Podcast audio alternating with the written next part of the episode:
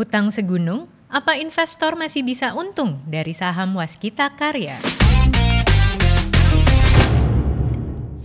Welcome to Superstock. Seperti kita ketahui, sejak November kemarin, sektor konstruksi terus melanjutkan kenaikan hingga hari ini. Hari ini kita akan membahas saham yang telah dipilihkan oleh tim research Mirai Aset Sekuritas Indonesia. Saham Waskita atau dikenal dengan kode WSKT. Langsung saja kita ngobrol dengan Joshua Michael, research analyst dari Mirai Aset Sekuritas Indonesia. Hai Josh. Hai Al, halo sahabat Mirai Aset Sekuritas Indonesia. Nah, seperti yang kita ketahui nih, kalau perusahaan Waskita atau yang dikenal dengan kode saham WSKT ini kan bergerak di bidang infrastruktur. Tapi sebenarnya apa aja sih bisnis yang dimiliki oleh WSKT ini? Ya, jadi jasa konstruksi itu merupakan lini bisnis utama Waskita ya, yang berkontribusi sekitar 90% dari total pendapatan Waskita di kuartal ketiga tahun ini. Nah, sisa 10% ini dari bisnis apa? Ya, yang pertama itu disumbangkan oleh lini bisnis penjualan beton precast mm-hmm. dan ready mix melalui Waskita Beton Precast atau dengan kode saham WSBP. Lalu yang berikutnya itu dari lini bisnis properti dan hotel melalui Waskita Realty. Dan yang terakhir ada infrastruktur lain yaitu bergerak di bidang energi. Nah, tapi dikabarkan juga kalau Waskita ini kan memiliki lini bisnis jalan tol ya? Yeah. Dan jalan tol kan banyak banget nih ya Josh ya yeah. di Indonesia. Nah biar kita lebih tahu jalan tol mana saja nih yang dikuasai oleh Waskita. Ya untuk jalan tol dengan kepemilikan mayoritas ada tujuh antara lain Pemalang Batang, Ciawi Sukabumi, Kayu Agung Palembang Betung, Cimanggis Cibitung, Cibitung Cilincing, Krian Legundi Bunder Manyar, dan yang terakhir Balikpapan Penajam Pasir. Nah, untuk jalan tol dengan kepemilikan minoritas ada delapan, yaitu antara lain Kanci Pejagan, Pejagan Pemalang dan Pasuruan Probolinggo, Bekasi Cawang Kampung Melayu, Semarang Batang, Medan Kuala Namu Tebing Tinggi, Depok Antasari, Cinere Serpong, Kuala Tanjung Tebing Tinggi Parapat, dan yang terakhir Nusa Dua Ngurah Rai Benua. Kalau dari sisi fundamentalnya nih, agar sahabat Mirai Aset Sekuritas Indonesia bisa lebih mengerti, bisa kita lihat kalau ternyata sejak 2019 sebenarnya kinerja keuangannya mengalami penurunan. Apa sih yang sebenarnya terjadi? Ya, jadi sebenarnya hal ini terkait dengan ketidakseimbangan antara kebutuhan dan kapasitas pendanaan infrastruktur di Indonesia. Jadi di antara tahun 2015 dan 2019 saja, kebutuhan pendanaan infrastruktur itu diprediksi sekitar 4.800 triliun. Jika dibandingkan dengan anggaran infrastruktur di APBN pada periode tersebut yang hanya bisa uh, dicapai yaitu 1.700 triliun. Jadi kurang lebih hanya 30% ya dari yang seharusnya. Betul. Jadi memang lama-kelamaan uh, pembayaran kepada BUMN karya itu sendiri menjadi terhambat. Dan kemudian untuk proyek selanjutnya BUMN karya itu harus mencari sumber pendanaan baru. Jadi memang hal ini membutuhkan dana talangan ya, dan biasanya memang lumrah seperti itu. Ya, memang dalam kebanyakan kasus eh, BUMN karya ini yang menalangi proyek tersebut terlebih dahulu. Jadi setelah selesai baru dilakukan pembayaran atau lebih dikenal dengan nama kontrak turnkey. Apa tuh kontrak turnkey? Bisa bantu dijelaskan lebih detail? Ya, jadi kontrak turnkey itu adalah kontrak yang di mana setelah proyek tersebut selesai dikerjakan, baru dilakukan pembayaran oleh pemerintah atau BUMN. Oh, jadi harus finish dulu baru lunas ya? Ya, betul. Ya, jadi sebagai tambahan, kalau kita lihat rasio utang berbunga terhadap modal waskita terus meningkat dari, dari tahun ke tahun. Dan sebaliknya, kemampuan membayar utang mereka pun terus menurun karena pertumbuhan laba operasional tidak sepadan dengan pertumbuhan beban bunga. Apakah hal ini memang terjadi karena operasional dari waskita atau ada faktor lain seperti anggaran infrastruktur?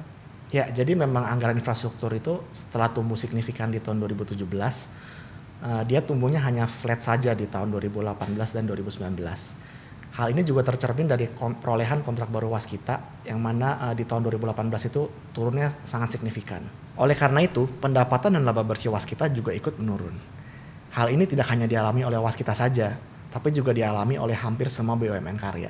Namun karena Waskita lebih banyak menggunakan skema BOT dalam pembangunan jalan tol jika dibandingkan dengan kompetitor seperti misalnya Adikarya, PTPP dan Wijaya Karya, maka Waskita lah yang paling merasakan dampaknya. Dengan banyaknya dampak perlambatan ekonomi yang terjadi akibat COVID-19, bagaimana hal ini berpengaruh ke waskita? Ya, jadi kita akan membahas satu persatu ya dari setiap lini bisnis mengenai dampak dari pandemi COVID ini terhadap uh, waskita. Jadi untuk dari lini bisnis konstruksi, yang pertama itu kita lihat kan pemerintah itu mengalokasikan lebih dari 100 triliun anggaran infrastruktur untuk penanganan COVID, termasuk dana talangan tanah. Yang kedua, banyak tender proyek dan proses divestasi yang tertunda. Yang ketiga, protokol PSBB ini banyak mempengaruhi progres penyelesaian proyek. Nah, selanjutnya bagaimana dengan lini bisnis jalan tol dan juga properti? Ya, untuk lini bisnis jalan tol, trafik dari jalan tol itu sendiri mengalami penurunan lebih dari 50% karena penerapan protokol PSBB. Dan yang kedua, beban bunga dari operasional jalan tol itu juga sangat tinggi sekali Hal ini disebabkan karena jalan tol yang sudah beroperasi itu beban bunganya tidak bisa lagi dikapitalisasi ke aset. Untuk lini bisnis properti, penjualan apartemen dan okupansi hotel berkurang dan kemampuan konsumen untuk membayar cicilan utang juga ikut berkurang. Jadi perlambatan ekonomi ini sangat mempengaruhi slower demand dan purchasing power dari konsumen ya? Ya betul Mbak Alia. Nah kalau kita bisa lihat ya dari kuartal 3 itu sebenarnya mulai recovery nih di Indonesia sendiri. Nah tapi langkah apa yang dilakukan oleh Waskita sebagai usaha recovery dari perlambatan bisnisnya? Ya jadi yang pertama itu Waskita mengurangi capex mereka. Jadi di tahun ini tadinya capex Waskita itu sekitar 20 triliun. Nah, lalu dikurangi separuhnya jadi sekarang targetnya sekitar 10 triliun aja. Jadi di tahun-tahun sebelum itu capex Waskita bisa mencapai 30 triliun. Oke, jadi sekarang cuma sepertiganya ini ya? Betul. Nah, dan untuk di tahun depan kita expect juga dari capex yang was kita itu tetap ada di level 10 triliun. Yang kedua, dengan divestasi jalan tol untuk dekonsolidasi hutang dan menurunkan beban bunga. Jadi di sisa tahun ini, Waskita menargetkan untuk mendivestasi jalan tol Cibitung Cilincing dan tiga ruas tol jalan Trans Sumatera dengan menggunakan skema aset swap. Nah, dengan strategi tersebut, berapa proyeksi pendapatan yang bisa didapatkan oleh Waskita? Ya, jadi kalau untuk Cibitung Cilincing, Waskita itu menargetkan laba divestasi setelah pajak sebesar 50 sampai dengan 100 miliar. Dan untuk Trans Sumatera tadi, Waskita menargetkan untuk mendapatkan laba divestasi sebesar 1 sampai dengan 1,2 triliun. Wah, besar juga ya. Ya, Mbak Lia, dan sebagai tambahan, Waskita saat ini juga sedang mengejar kontrak baru dari luar negeri. Nah, ketiga hal yang telah disebutkan tadi kan lebih mengarah ke operasional. Bagaimana dengan strategi untuk menyehatkan cash flow waskita? Ya, yang pertama dengan mengurangi proyek turnkey ya. Jadi proyek turnkey itu di tahun 2020 berkontribusi sebesar 13% dari total kontrak baru.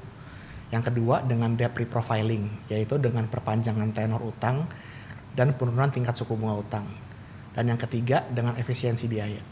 Nah, dengan banyaknya berita terkait Sovereign Wealth Fund atau yang dikenal dengan SWF dan juga dengan Omnibus Law atau yang juga dikenal sebagai UU Cipta Kerja, apakah hal ini akan memberikan stimulus untuk waskita ke depannya? Iya, jadi di bulan November, pemerintah telah menerbitkan draft peraturan pemerintah yang terkait dengan sektor konstruksi. Yang pertama, itu tentang SWF ya, atau dengan nama Nusantara Investment Authority.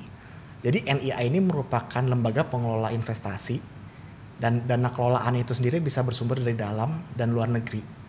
Nah nantinya aset dari BUMN karya termasuk jalan tol waskita karya bisa diinvestasikan ke SWF ini.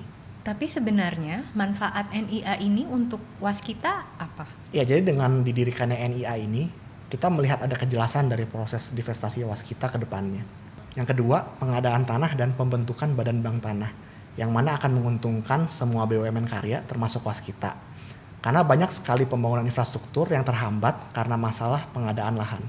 Jadi menurut kami, kenaikan harga saham waskita selama beberapa bulan terakhir disebabkan oleh euforia investor terhadap pembentukan NIA ini.